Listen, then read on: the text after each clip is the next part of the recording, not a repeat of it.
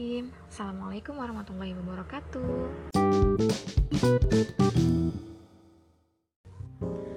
Alhamdulillah Akhirnya aku bisa ngisi segmen lagi di podcast ini.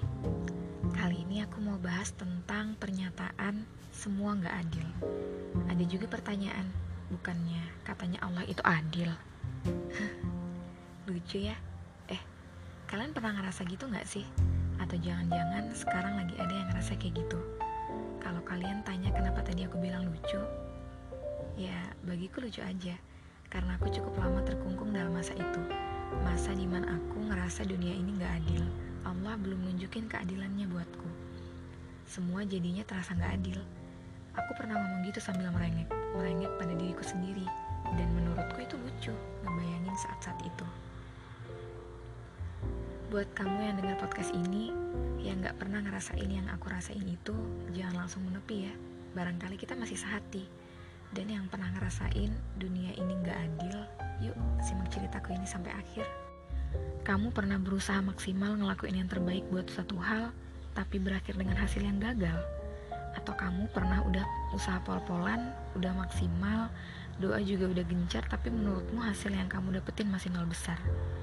Apa ada yang kayak gitu? Tadinya aku pikir doa dan ikhtiar udah semaksimal itu tapi hasil nihil itu sama sekali nggak mungkin. Tadinya aku pikir mungkin itu hanya perasaan diri yang kepedean bahwa udah maksimal, padahal belum, karena nyatanya masih ada yang kurang. Karena kegagalan yang sering ku alami dulu, bahkan ujian kehidupan yang aku ngerasa nggak mampu dan akhirnya sampai mikir, dunia ini nggak adil buatku, hanya adil buat mereka.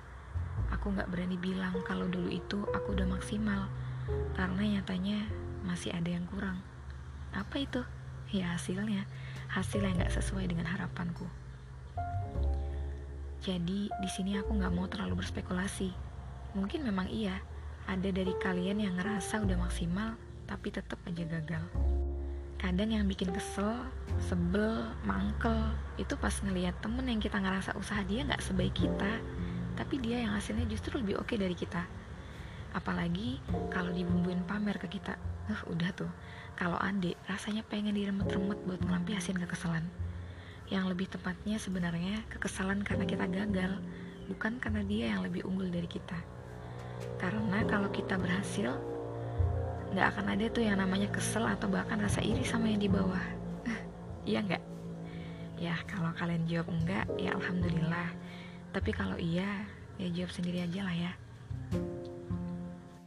Buat kamu yang ngerasa takdir Tuhan gak adil buatmu Atau minimal yang pernah ngerasa kayak gitu Aku mau bacain pesan deh. Eh, bukan kan Aku lebih suka menyebutnya surat cinta.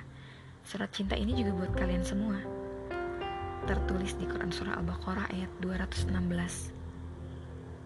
Boleh jadi kamu membenci sesuatu Padahal ia amat baik bagimu. Dan boleh jadi pula kamu menyukai sesuatu Padahal ia amat buruk bagimu Allah mengetahui, sedang kamu tidak mengetahui. Kata Allah, yang kita harapkan itu yang baik bagi kita, ternyata belum tentu. Allah mau kita dapat yang terbaik, dan yang terbaik itu tidak bisa hanya dilihat dari kacamata kacamata kita, kacamata manusia, tapi dari kacamata penciptanya, Tuhan kita, ya Allah. Surat cinta yang mau aku ingetin gak cuma satu itu.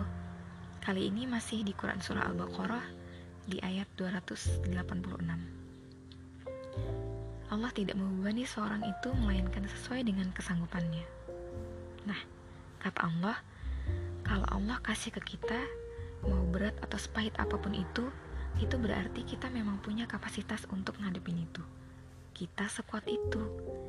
Yang kita anggap itu karena takdir yang Allah gak adil ke kita, itu cuma karena kita belum nyadar aja.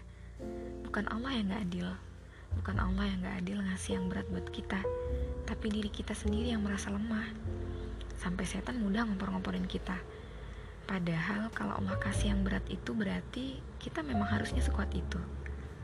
Sayangnya, kita malah sering nyalahin takdirnya Allah. Padahal itu udah yang terbaik buat kita.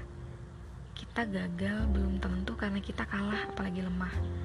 Kalau memang udah usaha maksimal, ibadah dan doa juga udah gencar, ya berarti gagalnya kita itu karena kita memang sekuat itu.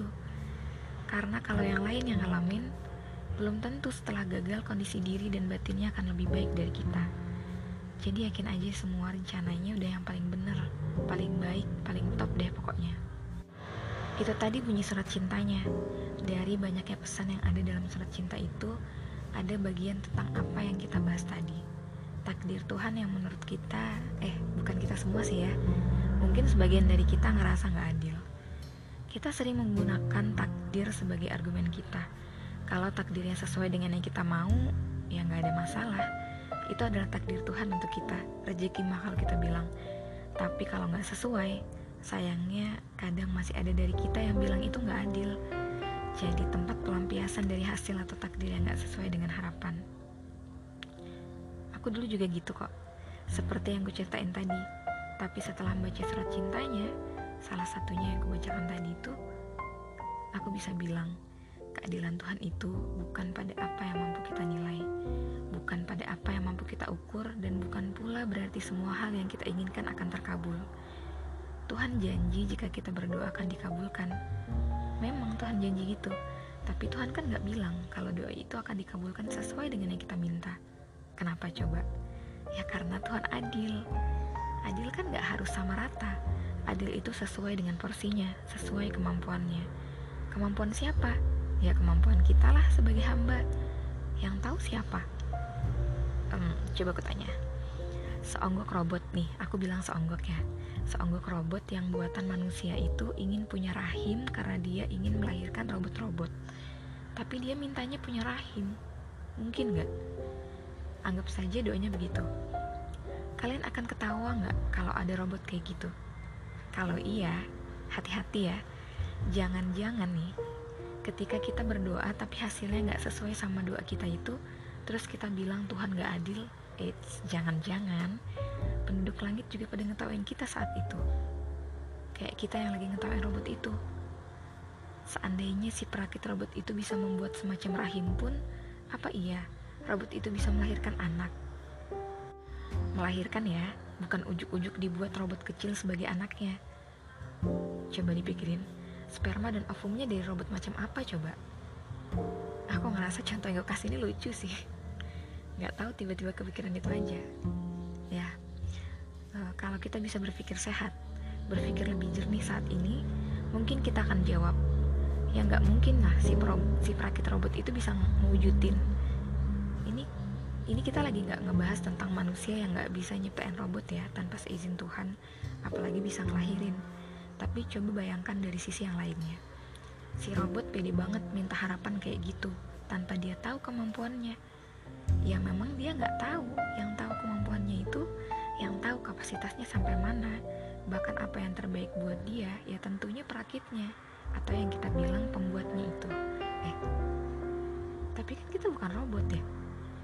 Ya memang bukan, itu hanya perumpamaan. Karena sama, kita manusia juga gitu. Yang tahu yang terbaik buat kita ya yang nyiptain kita. Jadi keadilan itu yang bisa mewujudkan dan menempatkan adil itu dengan benar dengan baik ya cuma pencipta kita. Kita nggak bisa. Jangan cuma lihat pakai kacamata kita kacamata manusia karena kita nggak mungkin benar-benar tahu yang terbaik buat kita. Jadi percayain aja sama yang nyiptain kita. Siapa? Ya jelas lah. Ya jawabannya adalah sang pencipta kita, Tuhan kita.